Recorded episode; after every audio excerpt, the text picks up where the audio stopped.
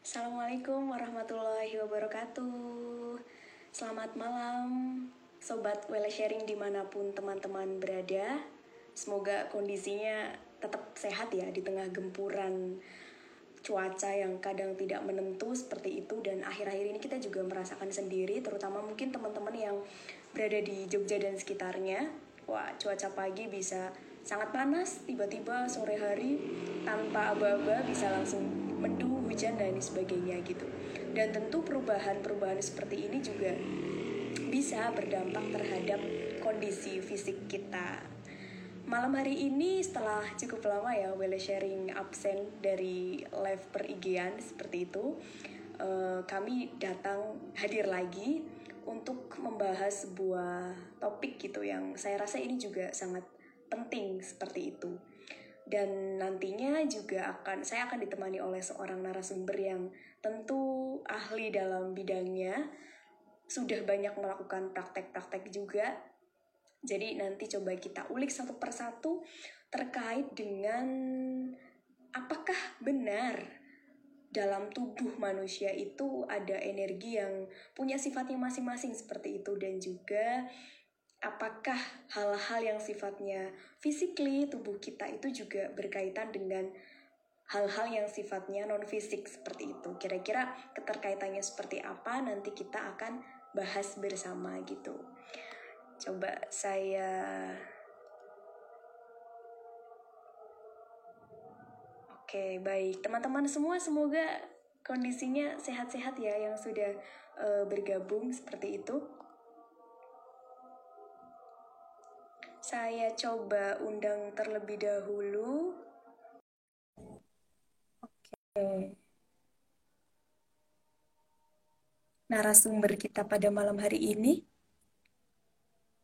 ada Mas Hadi nanti dari Tom's Happy seperti itu. Oke, Mas Hadi juga sudah bergabung. Nah, kita sambil menunggu beliau untuk bergabung ya di live IG ini.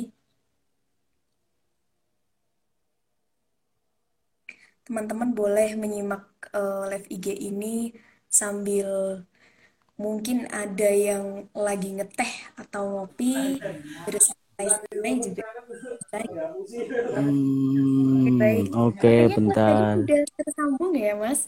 Bentar. Oke. Okay. Selamat malam, Mas Hadi. Selamat malam, Mbak Karom. Gimana kabarnya? Salam sukses, sehat, dan bahagia untuk kita semua.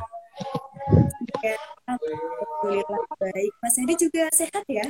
Alhamdulillah sukses sehat dan bahagia selalu doanya teman-teman semua. Oke, kalau Mas Hedi ini memang orangnya murah senyum dan sepertinya selalu bahagia gitu. Jadi nanti coba kita ulik apa sih sebenarnya tips atau rahasia bisa selalu dalam kondisi yang seperti itu gitu. Oke, Baik teman-teman semua, kembali sharing. Jadi malam ini saya ditemani oleh seorang narasumber ya beliau Mas Hadi uh, kepala rumah Tom's Happy Madness Center gitu ya Mas ya? Iya, yeah. ya betul. Ini ini di Jogja gitu. Kalau misalkan teman-teman penasaran juga ada Instagramnya silahkan dikepoin seperti itu dan malam hari ini bahas yang sangat tapi gitu ya. memahami energi tubuh biar kalau kita paham nanti kita bisa mengupayakan fisik yang sehat dan juga mental yang kuat seperti itu. Oke, okay.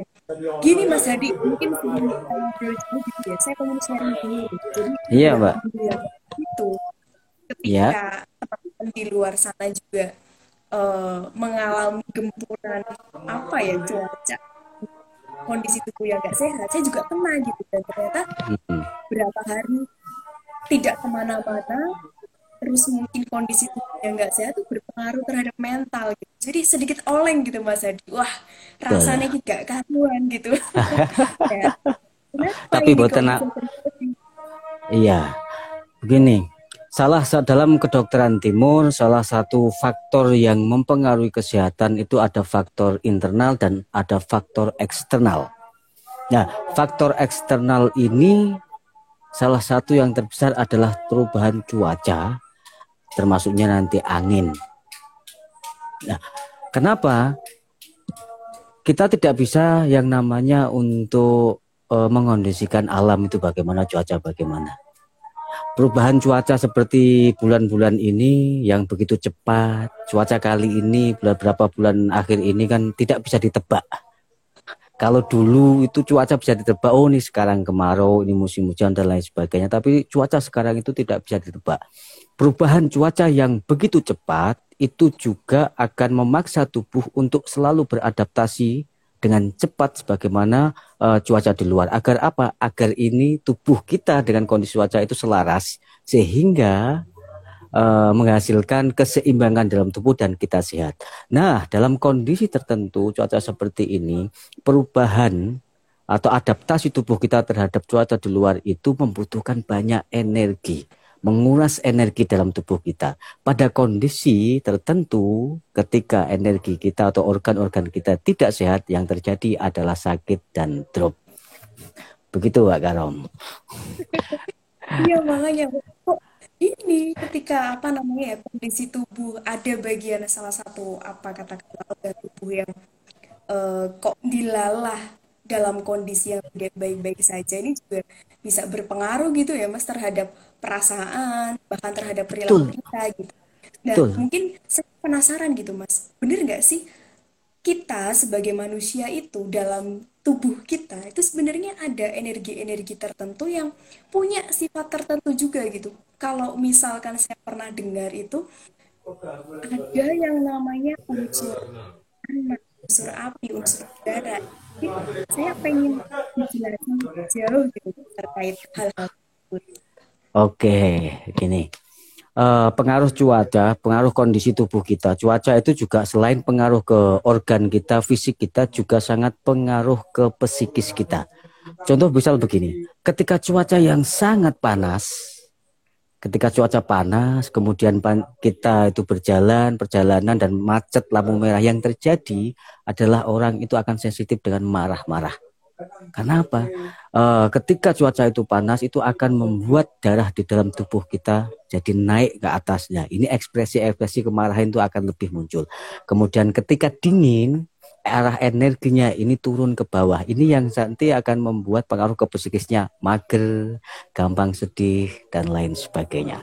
Itu pengaruh cuaca sampai ke psikis seperti itu. Uh, memang Mungkin dari sekian banyak teman-teman yang ada di live IG ini, kita pernah mendengar orang berkata seperti ini. Jangan percaya pada perasaan, sebab perasaan itu sering kali mengelabui pikiran kita. Satu sisi lain, ada orang juga yang berkata, jangan selalu menuruti tubuh fisikmu, sebab tubuh fisikmu itu selalu mengajak kepada yang tidak benar. Sisi lain, ada orang yang berkata, Jangan andalkan dan jangan mendewakan pikiranmu karena pikiranmu sering menipu dirimu sendiri. Nah, sebenarnya dari sini kita pahami bahwasanya yang disebut manusia itu apa? Manusia itu kan ya fisik, pikiran dan perasaan. Tiga unsur utama inilah yang membentuk kita disebut manusia. Dan ini satu kesatuan utuh yang tidak pernah bisa dipisahkan dan tidak terpisahkan. Ketika manusia hanya punya fisik dan perasaan saja tapi pikirannya tidak ada, disebut apa? Disebut orang gila. Nah, lah di antara ketiga komponen ini kemudian membentuk kita diciptakan manusia menjadi sempurna ini ada sistem di dalam tubuh kita. Ada sistem di dalam tubuh kita untuk menjaga untuk menjaga kelestarian alam dalam tubuh kita sebagaimana alam di luar ini. Nah, termasuk ketika tadi Mbak Karom berbicara tentang bahwasanya ada energi, terus kemudian ada disimbolkan dengan uh, simbol alam, tanah, air, udara benar. Ada istilah uh, orang Jawa kita ini jagat alit, di luar ini jagat gede. Ada kemudian makrokosmos dan mikrokosmos. Bahwasanya uh, apa yang ada di dalam di, di luar diri kita ini tergambarkan dan tersimbol pula, pula di dalam diri kita itu yang disebut dengan teori Wusing atau lima unsur. Nah, teori Wusing ini muncul dari teori Xinjiang atau keseimbangan. Dari teori Xinjiang inilah kemudian dijabarkan muncul teori Wusing yang melambangkan lima unsur alam, yakni air, kemudian tanah, api, logam, dan uh, kayu atau pohon. Nah, uh, setiap unsur ini mewakili setiap organ di dalam tubuh kita. Contohnya ketika uh, logam itu nanti hubungannya disimbolkan dengan paru-paru. Kemudian air itu disimbolkan sebagai ginjal. Kemudian kayu, pohon itu sebagai liver. Terus kemudian tanah itu lambung dan api itu jantung. Nah, ini saling terkait dan tidak juga dipisah-pisahkan. Ada hukum-hukum di dalam tubuh kita sebagaimana hukum-hukum kehidupan di luar kita. Ada hukum menguatkan, ada hukum menindas, ada hukum melemahkan, ada hukum menyeimbangkan dan menguatkan. Nah, di sinilah uh, bahwasanya ketika terjadi sakit pada seseorang karena tidak adanya keseimbangan di dalam tubuhnya, baik keseimbangan secara energi, organ, fungsi organ dan lain sebagainya sehingga menimbulkan yang namanya sakit. Gitu Pak Karo. Kalau karakter energi sendiri, karakter dan sifat energi sendiri itu panas atau yang. Darah itu dingin, yin.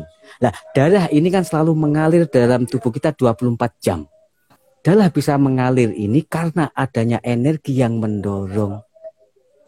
Nah, energi inilah kalau di dalam kedokteran timur itu nanti ada jalur tersendiri dalam tubuh kita yang disebut dengan jalur meridian. Kalau teman-teman sobat homeopathi dan sebagainya well sharing ini tahu ada akupuntur itu, nah, itu adalah jalur meridian atau jalur energi. Itu beda dengan jalur saraf. Dan ini sudah diakui oleh WHO dan kedokteran. Nah, nanti jalur ini pun ada dua lintasan ada lintasan di permukaan ya di bawah kulit sehingga ada titik-titiknya yang bisa ditusuk atau dipijat, akupresur atau nanti lintasan uh, ada lintasan di dalam lintasan dalam tubuh kita ini yang menyambungkan seluruh organ-organ dan saraf-saraf dalam tubuh kita gitu. Oh, Mas Hadi, wah ini pengetahuan baru sekali bagi saya Mas soal tadi ya. Ada teorinya gitu ya, teori Wushin gitu iya. gitu ya. Iya, ada teori Wushin Nyempak iya, unsur itu namanya ternyata sifat-sifat unsur tersebut berkaitan langsung dengan atau disimbolkan dengan organ-organ yang ada dalam tubuh kita gitu. Nah ini kalau nggak paham ya ah, nanti bisa bahaya gitu ya Mas. Iya, iya bisa bahaya. Makanya nanti uh, banyak yang gini ketika seseorang kadang dibaca ada orang yang uh, membaca, oh ini tipenya api, ini tipenya tanah, ini tipenya logam, ini tipenya udara. Nah, kemarin juga ada beberapa teman klien, sobat yang datang ke sini. Oh, mas ya kemarin dibaca orang itu tipenya uh, kayu dan sebagainya. Bagaimana cara menguatkan uh, apa unsur ini? Nah, kalau dalam proses penguatan tetap itu ada proses penjagaan, termasuk bagaimana dengan uh, proses makanan, keseharian ke, kebiasaan dalam sehari-hari, terus keseimbangan gerak, termasuk keseimbangan dalam manajemen emosi dan pikiran. Kalau nanti ada yang membaca seperti itu sebenarnya nanti hubungannya dengan karakter daripada orang itu. Karakter asli unsur itu. Orang yang nanti ketika dibaca, oh ini karakternya kayu. Orangnya mesti kaku, keras. Sebagaimana kayu itu kan kaku keras. Nah, nah kemarin saya bilang apakah seperti itu? Oh iya mas. Nah itu loh karakter asli itu yang diaslikan. Begitu pak. Berarti sangat luar biasa ya. Maksudnya ekspresi-ekspresi yang tadi bisa dibaca itu juga ada kaitannya gitu dengan karakter sangat. itu sendiri. Iya, sangat terkait. Oke, nah Mas Hadi tadi kan mungkin ada beberapa faktor gitu yang itu hmm. berpengaruh sekali gitu terhadap mungkin keadaan lima unsur tadi yang ada dalam tubuh hmm. yang disimbolkan jantung, lambung, paru-paru, terus juga ginjal, liver gitu. Hmm. Beda-beda mas.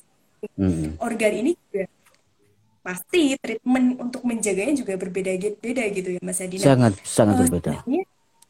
Apa sih Mas Adi faktor yang paling menentukan maksudnya ketika seseorang itu ingin punya keseimbangan yang bagus dalam lima unsur tersebut, hmm. apa yang pertama yang harus diperhatikan oleh setiap individu itu?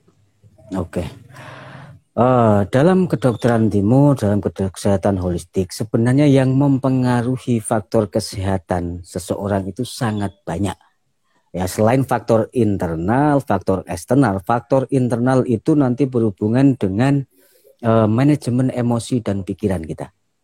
Itu yang utama. Makanya penyakit-penyakit dalam dalam kedokteran timur itu disebabkan oleh emosi, emosi tujuh emosi dalam dasar di dalam tubuh kita. Kemudian faktor eksternal selain cuaca, kemudian pemilihan menu makanan bukan hanya yang sehat tetapi yang sesuai dengan karakter tubuh Anda dan kebutuhan tubuh Anda. Yang mempengaruhi lagi juga satu, pekerjaan. Selain kemudian yang mempengaruhi lagi adalah lingkungan. Terus nanti sosial dan ada juga nanti yang mempengaruhi adalah keuangan. Finansial. Sekarang yang menjadi pengaruh besar untuk kesehatan orang-orang modern saat ini adalah finansialnya. Ketika finansialnya kacau, juga kesehatannya kacau, fisiknya kacau, psikisnya kacau. Nah, iya, iya, iya. beragam ya mas ya. Maksudnya Gimana? faktor-faktor itu faktor-faktor itu sangat banyak seperti itu dan yang menarik tadi gitu jadi memang soal manajemen emosi gitu ya Mm-mm. kadang kita mungkin masih perlu belajar untuk mengelola emosi ketika misalkan ada hal-hal di luar diri kita yang nggak bisa kita kontrol bagaimana caranya kita biar mengelola hal internal sehingga nggak ada kejadian di luar diri yang sifatnya mungkin nggak kita harapin itu terjadi. Nah bagaimana biar Ya, setidaknya kondisi tetap stabil itu juga perlu dilatih terus menerus gitu ya. Nah Mas betul. Hadi tadi kan banyak gitu ya faktor-faktor yang berpengaruh soal makanan gitu pun Hmm. kelima unsur ataupun organ tadi kita juga perlu tahu dan paham mana yang memang cocok organ ini mana yang harus dihindari jadi kalau tadi Mas Hadi bilang nggak hanya butuh apa ya makanan yang eh, sehat tapi juga yang sesuai seperti itu ya nah Iya, mungkin betul. Mas Hadi bisa di sharing gitu Mas karena kan Mm-mm. selama ini mungkin punya banyak klien gitu ya Eh, mereka yang konsultasi sampai yang dari fisik itu dan kebanyakan gitu mas eh, dari Hmm. klien sendiri persoalan yang paling banyak dihadapi oleh mereka itu seperti apa mas Edi? Oke. Dalam perjalanan saya sampai saat ini, saya menemukan bahwasanya banyak orang yang berawal dari psikisnya yang tidak tertangani dengan tepat dan berlarut-larut dalam jangka waktu yang sangat lama sampai berefek ke sakit fisiknya. Banyak pula kita temui orang yang awalnya berasal dari sakit fisiknya yang tidak sembuh-sembuh sudah berobat ke sana kemari tidak ada kemajuan sama sekali akhirnya berdampak ke sakit psikisnya. Jadi ini tidak bisa dipisah. Makanya kalau di kami di Tom Happy kita pengobatan secara holistik maka setiap klien akan kita diagnosa baik nanti kondisi organnya termasuk bagaimana kondisi manajemen emosi dan pikirannya. Karena ini sangat pengaruh, Pak. Orang bisa mengatakan, orang bisa mengatakan dengan berani, aku sakit fisikku. Karena terlihat. Tetapi hanya orang-orang yang punya kepercayaan diri yang mengatakan, aku sakit psikisku. Yang berani mengatakan seperti itu. Karena apa? Kebanyakan orang seolah-olah penyakit psikis adalah sebuah aib yang sangat besar sehingga malu untuk mengatakan dan minta tolong kepada orang lain. Padahal sebenarnya setiap orang itu mengalami selalu bertarung di dalam dirinya sendiri dengan manajemen emosi dan pikirannya. Bukan berarti orang yang bisa memanajemen emosi dan pikirannya tidak bisa marah, tidak bisa sedih, tidak bisa cemas, tidak bisa khawatir, tidak. Itu sudah karakter bawaan manusia, wajar. Contoh, marah itu manusiawi. Yang tidak boleh adalah marah-marah berpikir itu wajib. Yang tidak boleh adalah kepikiran. Nah, ini tentang pengaturan dosis daripada emosi-emosi di dalam diri kita. Lah, ketika bagaimana orang itu bisa mengatur dosis di dalam dirinya, bisa manajemen di dalam dirinya, tentunya satu harus paham yang disebut manusia itu unsurnya apa saja kita mengakui bahwasanya kita adalah fisik, pikiran, perasaan atau perasaan dengan segala bentuk emosinya. Kemudian yang kedua, terima mereka dengan segala bentuk Anda. Apa pun kondisinya sampai saat ini terima mereka. Jangan pernah Anda membenci pikiran Anda sendiri, pikir uh, emosi-emosi Anda sendiri. Jangan pernah membenci itu. Ketika Anda membenci unsur yang membentuk Anda sebagai manusia, lalu Anda mau mendapatkan kedamaian dari mana? Saya akan mengatakan seperti ini. Ketika emosi itu muncul kapan pun, di mana pun, itu dalam bahasa, kalau kita ungkapkan dalam bahasa teater, kayak kita, emosi itu muncul Hei Mbak Karom, aku lo emosimu, aku ini sedihmu, aku ini cemasmu, aku ini khawatirmu. Aku adalah bagian daripada dirimu. Engkau mengakuiku atau tidak? Atau malah sebaliknya, engkau akan memusuhi dan membenciku. Nah, emosi-emosi dan pikiran kita ini tergantung bagaimana respon kita. Kalau Anda membenci, emosi Anda, mereka akan membenci Anda 10 kali lipat. Makanya terus emosi dan terus. Karena apa? Membenci, nggak diterima, nggak diakui. Tapi ketika Anda menerima mereka, mereka akan menjadi sahabat terbaik Anda. Yang akan selalu Anda bisa kendalikan, akan Anda bisa kerja, ajak kerjasama dan lain sebagainya kapan pun, di mana pun. Butuh pengakuan sebagaimana kita manusia itu butuh diakui oleh orang lain. Begitupun emosi-emosi itu butuh pengakuan dari diri kita. Bahwa Aku punya emosi, aku punya marah, aku punya ini. Aku menerima mereka bagian daripada diriku, tapi mereka bukan aku. Jadi ada sekat, ada jarak antara aku hati dan emosinya hati. Begitu, Pak. Jadi, jadi tadi ya mungkin semakin ini, semakin semakin penasaran dengan banyak hal. Jadi, mungkin tadi yang garis bawahi bahwasanya emosi itu itu ya nggak bisa dihilangin gitu ya iya. sama seperti mungkin kita punya nafsu gitu nggak bisa dihilangin tapi Betul. bagaimana PR-nya adalah untuk mengelola gitu biar Betul. tadi kan dosis emosinya itu iya. bisa sesuai gitu jadi yuk gak apa-apa ketika kita lagi sedih diterima. Oh iya saya lagi sedih gitu. Ketika hmm. lagi seneng ya dirasakan gitu. Ketika lagi kecewa karena diputus atau apa gak apa-apa gitu.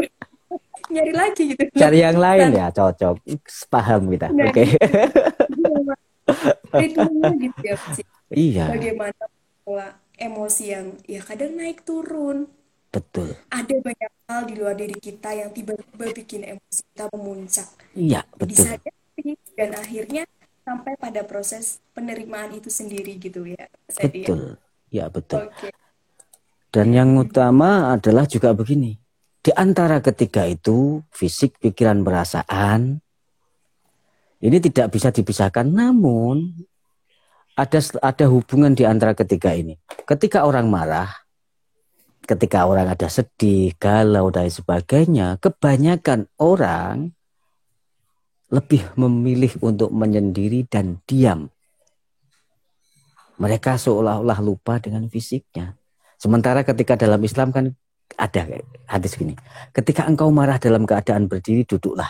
Ketika engkau marah dalam keadaan duduk, tidurlah. Ketika engkau masih marah dalam keadaan ber, uh, tidur, berwudulah. Maksudnya adalah ketika ada emosi-emosi Hal simpel yang perlu kamu lakukan adalah bergerak fisik, pindah tempat atau olahraga, maka emosi Anda akan hilang. Kenapa? Karena Anda mengalihkan pikiran Anda, perasaan Anda ke pergerakan fisik Anda. Yang paling simpel begini, ketika Anda sakit uh, saraf kejepit atau ada sakit luka, Anda suruh nyaman itu kan juga susah. Nah, ini menunjukkan bahwasanya dominasi fisik kita atas pikiran dan perasaan kita, Pak. Begitu. Oke, oke, Pak. Saya menemukan kata kunci baru nih, Mas Hedi. Bergerak gitu ya. Jadi mm -hmm. bergerak salah satu hal yang harus dilakukan untuk mengubah tadi mungkin ketika ketika kita lagi merasakan emosi ini biar porsinya itu tidak mendominasi harus dialihkan gitu ya dengan Betul. bergerak karena jujur gitu ya Mas Hadi ya mungkin iya. termasuk kita sendiri gitu masih kurang apa ya ketika lagi moodnya lagi nggak baik atau apa memang sering kali kebanyakan dari kita lebih banyak ya udahlah tambah males ketika ketemu orang gitu padahal Betul. semestinya perasaan-perasaan yang nggak enak tadi berusaha kita alihkan atau kita salurkan ke dalam aktivitas yang melibatkan gerak fisik seperti itu ya. Betul sekali. Makanya gini, ketika ada cewek salah satu ada kata-kata ini, ketika cewek ngambek, ajaklah jalan-jalan ke mall belanja nanti hilang ngambeknya, ya kan? kan nah, berarti bergerak, iya bergerak itu. so simple. Iya, iya. Bergerak gitu ya. Bergerak, iya. Iya. Makanya kan bahwasanya begini, pikiran kita bekerja dengan cara membandingkan. Ini hitam, ini putih, ini ini hitam, ini putih, ini baik dan ini buruk. Perasaan kita bekerja dengan sistem ini selaras dan tidak selaras. Fisik kita sistemnya dengan bergerak. nah, sering kali orang lupa dengan fisik kita. Orang bisa memahami uh, ketika ada pikiran tidak nyaman atau pikiran negatif. Orang kan paham uh pikiran aku lagi gini. Ketika ada perasaan tidak nyaman dan sebagainya bilang tapi jarang sekali orang yang bisa menyadari perubahan-perubahan di dalam fisiknya. Perubahan fisiknya bergerak. Contoh begini ketika anda yang live seperti ini tadi dari awal sampai sekarang sudah berapa gerakan anda berubah duduknya? Nyadar nggak? Kalaupun soal nanti Anda di dalam ruangan, kemudian ada teman yang kemudian ketika ada AC-nya dimatiin atau ada uh, jendela dibuka, maka nanti suasana atau energi dalam ruangan itu sudah berubah. Anda pun tidak akan nyadar. Nah inilah bentuk pentingnya uh, memahami kesadaran tubuh atau kesadaran fisik. Karena apa? Karena tingkat kesadaran diri seorang bisa diukur dari tingkat kesadaran pada tubuh fisiknya. Ini nih, jangan selama ini kita tidak sadar soal itu gitu. Asal Oke. asal kita tidak sadar kalau kita laki-laki dan anda perempuan gitu. Maaf. Bahaya gitu ya, ya. Iya, bahaya.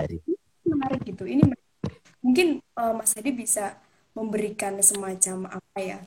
Uh, bukan paduan sih bagaimana sih caranya gitu mungkin ada step-step yang harus dilakukan oleh kita yang sangat masih awam apa belum belum paham soal hal-hal seperti ini gitu bagaimana hmm. untuk melatih kesadaran terhadap fisik kita yang ternyata ini juga berkaitan erat dengan sisi mental kita itu hmm. kalau boleh Mas Hadi uh, sharing terkait dengan hal itu gitu Mas ya oke okay, gini uh, dalam proses manajemen emosi dan pikiran sebagaimana unsur manusia tiga unsur ini tidak bisa dipisah-pisahkan bahwasanya makanya salah satu kekurangan dari kita kita ya termasuk mungkin saya dan orang-orang Indonesia itu adalah males untuk berolahraga. Kan olahraga itu bagian dari gerak. Nah kita memahami bahwasanya kayak oke okay lah futsal, badminton, volley, itu orang memahami olahraga. Disebut olahraga itu selalu ada unsur me time. Me time dengan diri sendiri. Terus dua, ada keseimbangan gerak tubuh kita. Bukan hanya ketika kanan-kanan, tetapi kanan dan kiri ini juga harus seimbang. Kanan, kaki kanan, kiri, kita gerak kanan. Ini yang keseimbangan tubuh. Nah itu baru disebut olahraga. Kalau hanya satu sisi tubuh ada yang bergerak, itu permainan olahraga.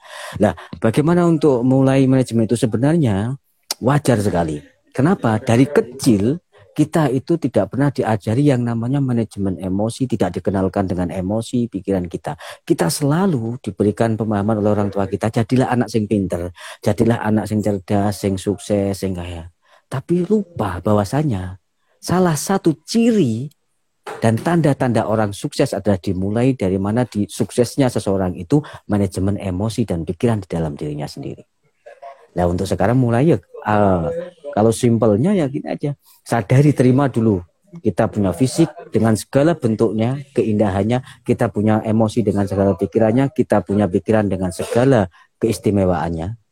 Dan mulai jangan dari sekarang kalaupun ada teman-teman yang uh, sering kali anda melebeli diri anda dengan uh, label-label negatif. Biasanya cewek ini ya memang aku itu marah aku itu sensitif dan sebagainya Mulai sekarang latihlah untuk selalu melebeli diri Anda dengan hal-hal yang positif. Ini yang namanya latihan untuk positif feeling, positive thinking atau dalam Islam latihan husnudon. Selalu husnudon disertai dengan tiga unsur. Bukan hanya perasaan tenang, ini pikiran nyaman, tapi selalu ucapkan minim-minim Alhamdulillah aku bahagia. Atau dengan minimal dengan tanda senyum. Makanya Anda tidak uh, tersenyumlah Anda akan bahagia. Bukan menunjuk bukan menunggu bahagia untuk Anda bisa tersenyum. Tersenyum saja Anda akan bahagia. Gitu kalau. Oke, siap. Wah, saya juga tampar-tampar jarinya Mas Hadi. Oh, maaf, saya nggak saya nggak menampar, Mbak. Serius. saya nggak pernah menampar wanita, jadi. Tapi ini apa ya menjadi reminder akhirnya Mas Hadi menjadi reminder bagi mungkin teman-teman juga ya yang uh, menyaksikan atau nyimak ini seperti itu. Bahwasanya ayo sejauh ini berapa sadar kita seberapa jauh kita mengenali diri kita termasuk hal-hal yang sifatnya physically mungkin soal menerima oh iya memang bentuk hidungku seperti ini bentuk pipinya seperti ini bentuk alisnya dan lain sebagainya gitu. Jadi ada ya Herdi mungkin ya teman di luar sana.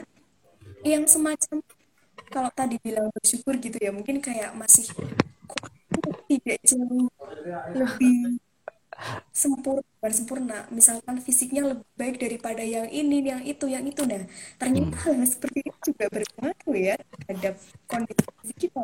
Ya ketika kita berusaha untuk benar-benar nerimo ala dewe gitu kan menerima segala kondisi lahir dan mungkin mengenali lebih jauh kita punya seperti apa ini jauh membuat kita bisa mengupayakan perasaan tenang gitu ya Mas Hadi ya. Iya betul. Tadi apa namanya uh, label-label negatif yang mungkin sejauh ini sudah kita terapkan ataupun kita kasih ke diri kita coba tolong satu persatu mulai copot gitu ya. Iyalah mulailah. Wah nanti mulai ya. malam ini setelah ini buat label baru. Makanya sebagaimana Tom Happy selalu bilang sukses, sehat, bahagia. Maka orang-orang yang ke sini harus sukses, harus sehat dan minim bahagia gitu. Hmm. sehat dan bahagia gitu ya. Iya. Oke baik. Oh iya, baik teman-teman mungkin kalau misalkan ada yang mau bertanya boleh ya sambil bertanya gitu di kolom komentar. Uh, saya coba cek juga Mas Hadi. Siap oh. Mbak. Saya siap menunggu dan saya siap mendengarkan. Baik, siap. Ini tadi ada yang komentar sepertinya, Mas Edi. Di awal Oke, kan monggo. membahas tentang ini ya, tentang, uh, eh, sifat karakter. Jadi misalkan, oh ada orang yang dominannya itu lebih ke arah unsur kayu. Ada individu yang dominannya lebih ke arah unsur api gitu.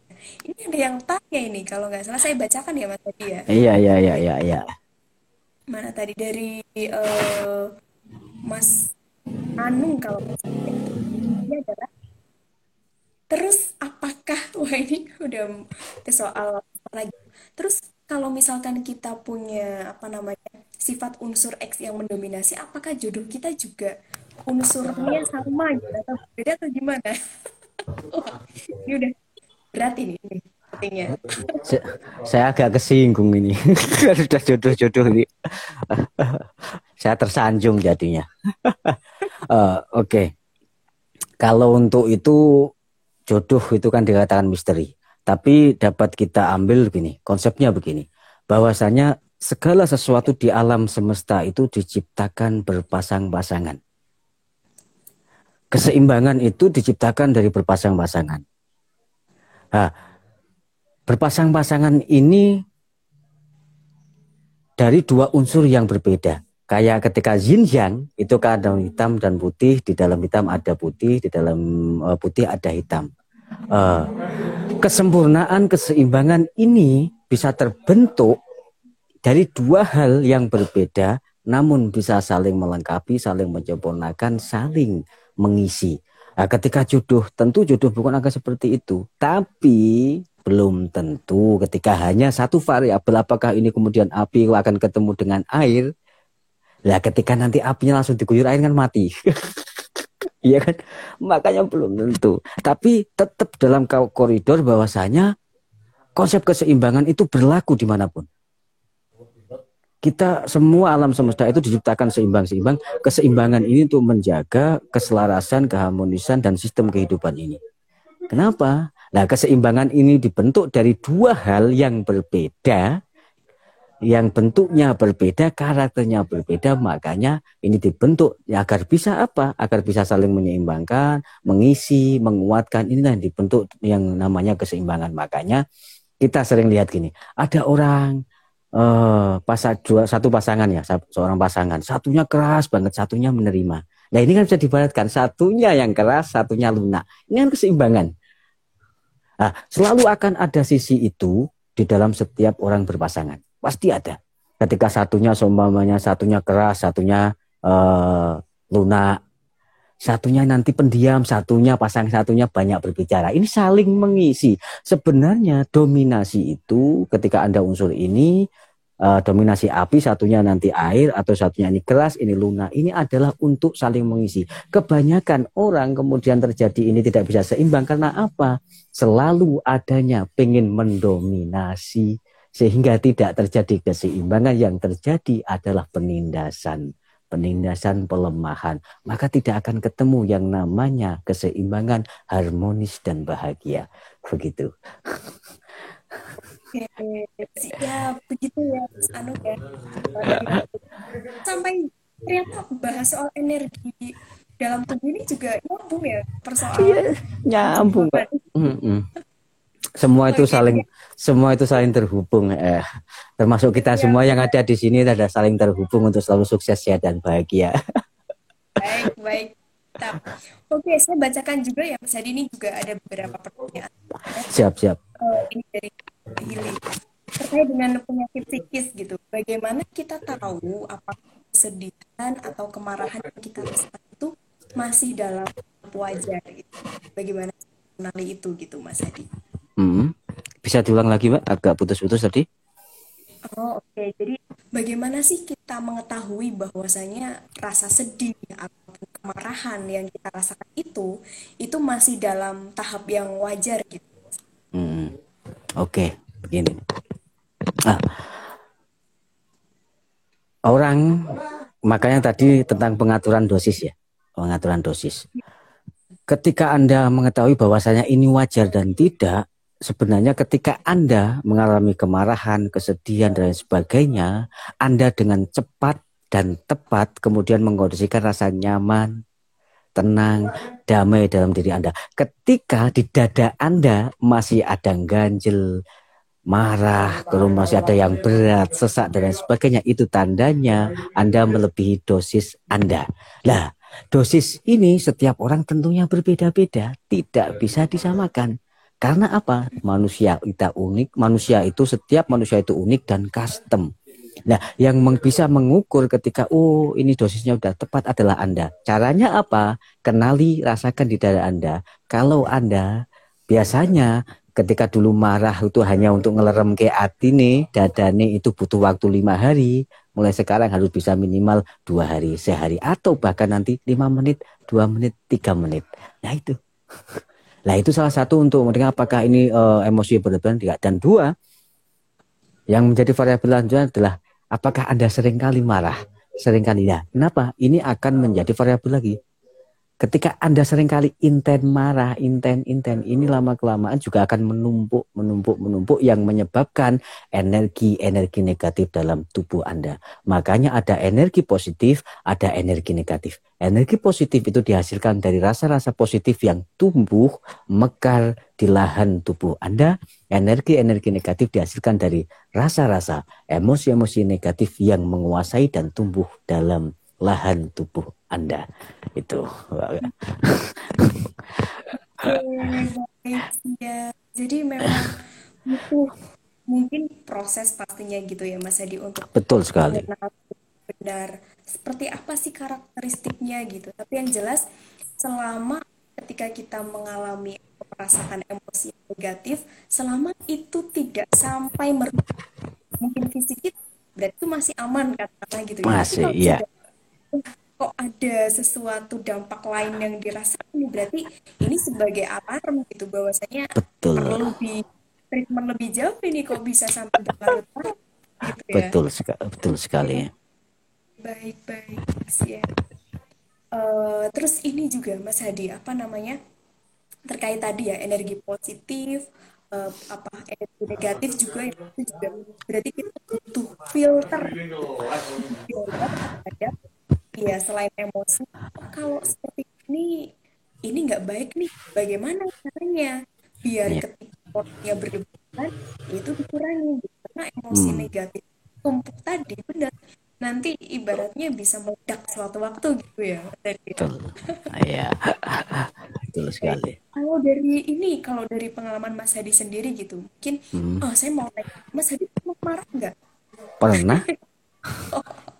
pernah ya? Mbak. iya ya?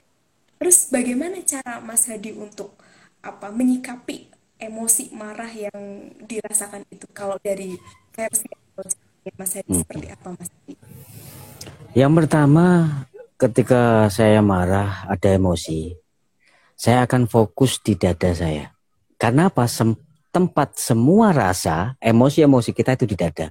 Marah, cemas, takut, sedih, khawatir, kecewa, dan semua di dada kita. Saya akan fokus ke dada saya. Kemudian mengenali jenis kelamin marahnya yang tepat, yang benar ini apa yang hadir, yang muncul ini apa. Karena banyak orang terkadang itu tidak bisa memahami jenis kelamin marahnya masing-masing. Dicampur aduk, kenapa? Iki marah, iki mangkel, iki cemas, ini takut atau apa. Lah kenali dulu. Setelah kita mengenali itu, kemudian rasakan di dada saya akan pegang di sini. Di mana rasanya saya akan pegang. Lalu saya akan minimin makan sapa. Wahai marahku, terima kasih engkau telah datang dan hadir. Aku mengakui dirimu bagian daripada diriku. Maafkan aku, mungkin hari ini aku kurang memperhatikanmu. Aku yakin. Dan aku janji setelah ini kita meet time. Aku akan menyapamu, memberikan waktuku untukmu. Sekarang leremlah. Lerem manut dalam diriku. Nyamankan dirimu. Nah, seperti itu. Saya akan selalu begitu. Dulu tahapan awal saya ketika saya marah, saya akan berdiri di depan cermin, Mbak. Iya, saya saya bertahap sampai sekarang pun bahwa saya terus belajar. Saya mesti ada marah, saya mesti ada kecewa, saya mesti ada sedih, ada saya manusia, bisa manusia biasa. Kita sama-sama masih udut ngopi, makan, eh, melihat cewek cantik seneng gitu. Lama dan begitu. Dulu yang simpel ya gitu aja. Silakan ketika Anda marah sekali, coba amati diri Anda. Berdirilah di depan cermin, amati ketika diri Anda itu sedang marah Berani nggak Anda mengamati itu? Ada jarang orang untuk berani melakukan itu. Dia tahu bahwa dirinya itu ketika marah jelek. Makanya nggak berani. Tapi saya dulu melakukan itu ketika saya marah saya akan lari di depan cermin di dalam mana saya. Saya akan berbicara kepada diri saya di depan cermin. Hei hati, ini bukan hati. Hati itu bukan begini. Hati itu orangnya senyum, suka senyum, yang tenang nyaman. Cobalah senyum. Saya merayu diri saya sebagaimana saya merayu kekasih saya, pacar saya, pasangan saya ketika ngambek. Jangan hanya pacar Anda saja yang Anda rayu berlebihan, Anda berikan bunga dan sebagainya, tapi emosi Anda juga Anda perlu rayu, berikan dia apresiasi. Ya gitulah. Dengan begitu ya nanti akan mereka akan oh iya terima kasih. Diperhatikan. Kalau siapa tuh yang nggak butuh nggak suka diperhatikan. Termasuk emosi-emosi kita. Ketika kita beri atensi dan sering kali kita perhatikan mereka pun akan nyaman dan semakin uh, bisa bekerja sama dengan kita. So begitu.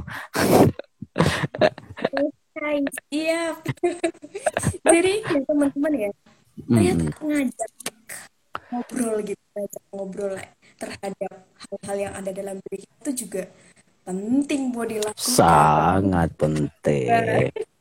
pernah belum melakukan yeah. itu gitu? Nah, pernah boleh dicoba terus rasakan manfaatnya gitu, rasakan yeah. apa uh, impactnya gitu. Karena iya benar hmm. sih ketika apa ya uh, kita mau kalau bahasanya itu self talking mungkin ya itu juga masuk gitu. Jadi kita yeah. ngajak ngobrol diri sendiri kok koyongene gitu masa sih seperti ini gitu? Akhirnya lama-lama kita kan bisa ya tadi pada tahap menerima gitu. Dan tadi di awal uh, Mas Hadi menyampaikan bahwasanya pusat dari emosi itu yang kita rasakan ada di dada gitu ya jadi, jadi ini berpikir gini Mas oh yo memper gitu. Oh yo yo wajar. Mungkin ketika kadang kita lagi kondisinya nggak enak dengan cara tarik nafas habis itu dikeluarkan kayak itu tuh juga cukup membantu sekilas untuk meringankan beban pikiran itu memang ada hubungannya itu po Mas Adi ada sangat hubungannya sangat ada makanya gini ketika tadi unsur tadi dengan bahwasanya setiap uh, setiap makhluk yang bernama marah rasa-rasa di dalam diri kita itu pun berhubungan dengan organ-organ kita. Kemarahan dikuasai nanti hubungannya dengan liver. Kesedihan nanti hubungannya dengan paru-paru. Ketakutan nanti hubungannya dengan ginjal. Kemudian uh, stressing hubungannya dengan lambung. Semangat, melamun, merindu hubungannya dengan jantung. Nah, hmm. setiap emosi-emosi ini akan langsung berdampak kepada diri kita, kepada organ-organ kita. Contoh gini, kesedihan dikuasai oleh paru-paru. Makanya ketika setiap kali Anda sedih, orang itu mesti nyesek di sini. Ada yang tersumbat. Makanya kemudian sistem tubuh itu dengan segala kecanggihannya, ketika orang menangis itu mesti itu adalah salah satu proses untuk ambil nafas dan membuang nafas untuk membuang stagnasi-stagnasi di area paru-paru kita. Makanya salah satu ketika ketika uh, setiap orang banyak emosi itu mesti refleks. itu sangat membantu dan itu bagian dari fisik. Nafas itu fisik. Coba Anda rasakan ketika Anda nafas. Berapa banyak otot-otot di wajah, di leher sampai ke dada yang ketarik itu termasuk fisik kita. gitu, Pak. Hmm, iya, iya, iya, ya. semakin kan sih semakin akan begitu ya jadi memang wah ini nih maksudnya pantas ya mungkin stres gitu lagi banyak burden atau apa kadang tuh yang bermasalah di lambungnya gitu. Jadi betul. Iya makanya kan banyak iya. juga mungkin ya yang tanpa sebab apa loh tiba-tiba punya penyakit mah ataupun asam lambung naik gitu. Betul. Jadi tuh mikirnya tadi ya perasaan atau iya. emosi itu tadi dalam kedokteran timur emosi itu penyebab penyakit dalam itu emosi itu. Dan perlu kita ingat bahwasanya sekali anda emosi baik marah cemas takut khawatir satu kali marah anda butuh waktu tiga hari untuk membuat fungsi organ ini kembali normal makanya di dalam Islam ada hadis, jangan engkau marah kepada saudaramu melebihi tiga hari. Karena apa? Ketika Anda marah atau sedih atau cemas atau khawatir, organ Anda ini kacau selama tiga hari. Nah sekarang Anda tinggal mengali. Kalau sehari Anda marahnya sepuluh kali, tinggal kali tiga. Silahkan Anda otak adik dan bersihkan dari sekarang. nah ini yang dari akan menumpuk, menumpuk, menumpuk menjadi penyakit lama-lama. Ketika ini intens terus-menerus tidak lekas ditangani dengan tepat, akhirnya akan membuat fungsi organ itu menjadi kacau dan melemahkan organ-organ itu. Akhirnya sakit, merembet, merembet ke lainnya dan sebagainya. Begitu. Wah, wah, ternyata butuh waktu buat recovery juga ya mas ya? Iya tetap butuh. Tiga hari lumayan. Tiga hari lumayan. Oke, baik. Siap, siap. Ini ada yang bertanya lagi ternyata Mas Adi. Saya bacakan Oke, siap. ya. Oke, oke, monggo. Oke, dari akun sejak dini. Mas Hadi izin bertanya, untuk pribadi yang dominasinya air, apakah ada saran agar unsur api dalam diri tidak padam? Hmm. Ada.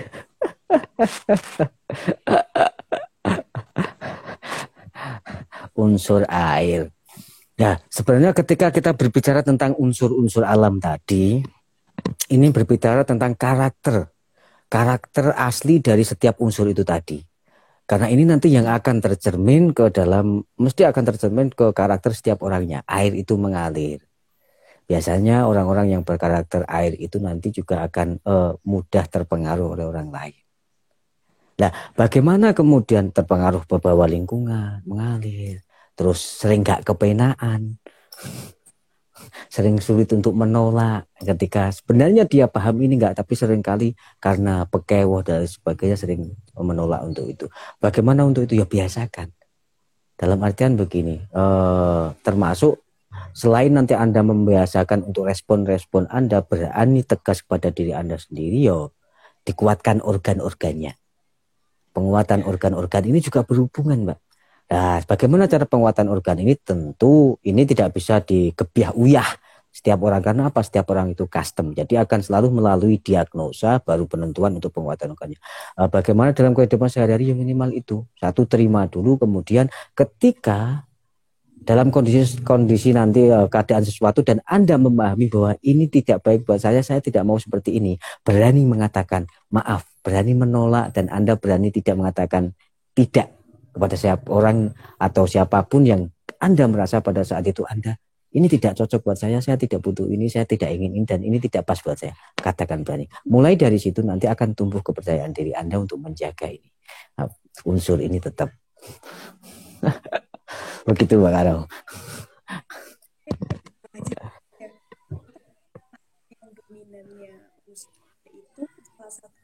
tadi ya gitu. Mungkin sekalian tadi jadi penasaran gitu.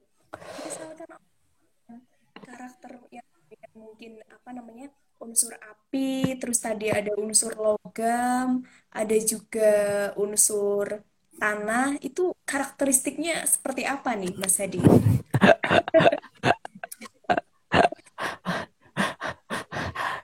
unsur kayu itu kayu. Karakter utama adalah keras ya biasa nanti cermin ke karakter orang yang uh, nanti karakternya kayu dia akan kaku. Ya kayak kayu seperti kayu itu akan kaku. Makanya kita berbicara tentang karakter asli utama daripada setiap unsur itu sendiri. Ini akan nanti kepengaruh. Ketika nanti uh, api atau ja, api ini biasanya orangnya selalu meluap-luap. Gampang emosinan. Terus nanti di tubuh biasanya nanti mudah sekali berkeringat dan lain sebagainya api. Api itu kan selalu mumpung tinggi ke atas saya ini. Semangat yang berlebihan, semangatnya selalu terjaga berlebihan. Biasanya nanti ini hubungannya dengan orang-orang yang sering tampil di public figure. Tapi satu variabel ini tidak bisa dijadikan ukuran untuk menentukan oh, orang ini harus di sini tidak bisa. Belum cukup untuk menentukan satu hanya melihat satu variabel ini. Kenapa? Karena banyak variabel yang lain yang harus diperhatikan. begitu pak oke oke. Wah ini harus kalau mau tahu juga harus konsultasi gitu ya. Nah iya. Custom ya harus custom per orang. Iya. Ini nggak bisa hmm. digeneralisasi gitu. Pun misalkan ya. wah kita tahu nih oh unsur eh, karakter asli dan karakter belum tentu itu memang yang benar-benar apa sesuai sama diri kita tapi harus dan juga dari hal-hal iya. yang lainnya iya. gitu ya mas iya oh, makanya okay. seperti seperti emosi itu kan bahwasanya setiap emosi itu ya terhubung dan bagian daripada emosi-emosi yang lain. Orang yang marah-marah sampai termarah-marah itu sebenarnya adalah tumpukan dari ketakutan-ketakutan kecil yang sering dipendam, sering dipendam sebenarnya takut-takut kecil yang sering dipendam ini akhirnya meledak, akhirnya tidak terkontrol dia marah yang berlebihan saling terkait dan terhubung. Menarik guys. Tapi ya sangat luar biasa sih apa namanya apa ya informasi pengetahuan yang uh, Mas Hadi share malam ini seperti itu. Tapi sayang ya Mas Hadi uh, karena kita juga keterbatasan waktu gitu. Jadi mau oh. mau ya obrolannya mungkin okay, nanti bisa dilanjut kesempatan seperti itu so. dan kita juga yang pasaran si Tom Happy juga bisa berkunjung gitu ya Mas Adi ya? Ah, iya silakan. Kami sangat terbuka untuk siapa pun. Silakan untuk konsultasi untuk terapi apa pun. Silakan datang ke Tom Happy. Kalau anda mau happy sehat bahagia silakan ke Tom Happy. Mau ngopi-ngopi juga bisa. Apalagi perawatan kecantikan juga ada. Awet muda ada juga paket komplit pokoknya ya. paket komplit pokoknya pak. Oke baik. Nah mas Adi mungkin sebelum benar-benar berpisah ya, di live IG ini mungkin hmm. silakan ada beberapa hal yang ingin disampaikan nih ke teman-teman yang sudah bergabung. Monggo mas. Oke saya mau menyampaikan apa ya? Uh, saya berpesan mengajak diri saya sendiri, terutama uh, dan kepada teman-teman yang ikut live dan sebagainya begini. Mulai, mari mulai dari sekarang, minimal setelah ini, setelah ikuti live IG ini, mulailah menumbuhkan label, membuat label baru di dalam diri Anda. Jangan pernah takut, jangan pernah minder untuk mengatakan aku bahagia, aku kaya, aku sukses. Sekalipun itu belum berlaku pada diri Anda. Kenapa? Katanya ucapan itu adalah doa. Mungkin saat ini itu belum terjadi kepada Anda, tapi besok itu akan diberikan kepada Anda. Makanya ngejelah selalu untuk uh, berpositif feeling, positive thinking, positive doing. Jadi usahakan setiap komponen tiga komponen itu kita selalu positif. Sekalipun ketika kita melihat realitanya di depan mata kita fisiknya itu negatif, tetap carilah sudut pandang lain yang bisa membuat Anda menilai itu positif. Dan simple satu, seringlah tersenyum. baik, baik. Ya. Kalau Anda banyak. dan kalau Anda susah senyum, silakan Anda ke Tom Happy, pasti senyum. dan suka happy. Ya, Siap, habis ini segera meluncur ke sana. Ya, Oke, ditunggu. Terima kasih. Terima kasih banyak loh Mas ya sharing-sharingnya ya. Ini benar-benar membuka wawasan gitu. Membuka wawasan dan apa ya, mendorong kesadaran seperti itu bagi kita masing-masing individu bahwasanya yo ternyata hal-hal positif itu penting dimulai dari kita sendiri gitu. Syukur-syukur nanti dari positif yang kita miliki energinya bisa nyebar positif ke yang lain gitu kan. Alhamdulillah itu. Pada dasarnya tadi ya mengenali diri sendiri karakteristiknya menerima iya. diri sendiri sebagai modal awal gitu untuk Betul. mengupayakan. Ya fisik yang sehat hmm. dan juga yang kuat seperti itu. Jadi siapa dari kita bertanggung jawab nih terhadap diri kita sendiri seperti itu. Betul ya dimulailah kalau yang kemarin belum sekarang mulai dimulai tipis-tipis gitu jadi Asik. nanti bisa seperti Mas Hadi ya yang selalu tersenyum amin ya yeah. Oke, baik teman-teman semua, sobat Wele Sharing yang sudah menyimak obrolan live IG malam hari ini dengan uh, Mas Hadi sebagai kepala Rumah Tom's Happy Wellness Center. Terima kasih banyak ya teman-teman semuanya. Insya Allah ini sangat bermanfaat sekali seperti itu dan mudah-mudahan nanti kita bisa ngobrol dengan topik lain yang tentunya juga manfaat seperti itu. Mas Hadi, sangat. Terima kasih juga Mbak Karom, terima kasih juga buat well sharing, senantiasa sukses, sehat dan bahagia dan untuk semua teman-teman yang ikut live, sobat Happy, sobat well sharing, senantiasa makin sukses, makin sehat dan makin bahagia. Terima kasih. Amin ya robbal alamin. Terima kasih Mas Hadi, terima kasih semuanya. Sama-sama, ya, Mbak. hari ini selamat melanjutkan aktivitas. Semoga selalu sehat lahir dan batinnya. Amin. Dari... Assalamualaikum warahmatullahi wabarakatuh. Waalaikumsalam warahmatullahi wabarakatuh. Melanjutkan aktivitas.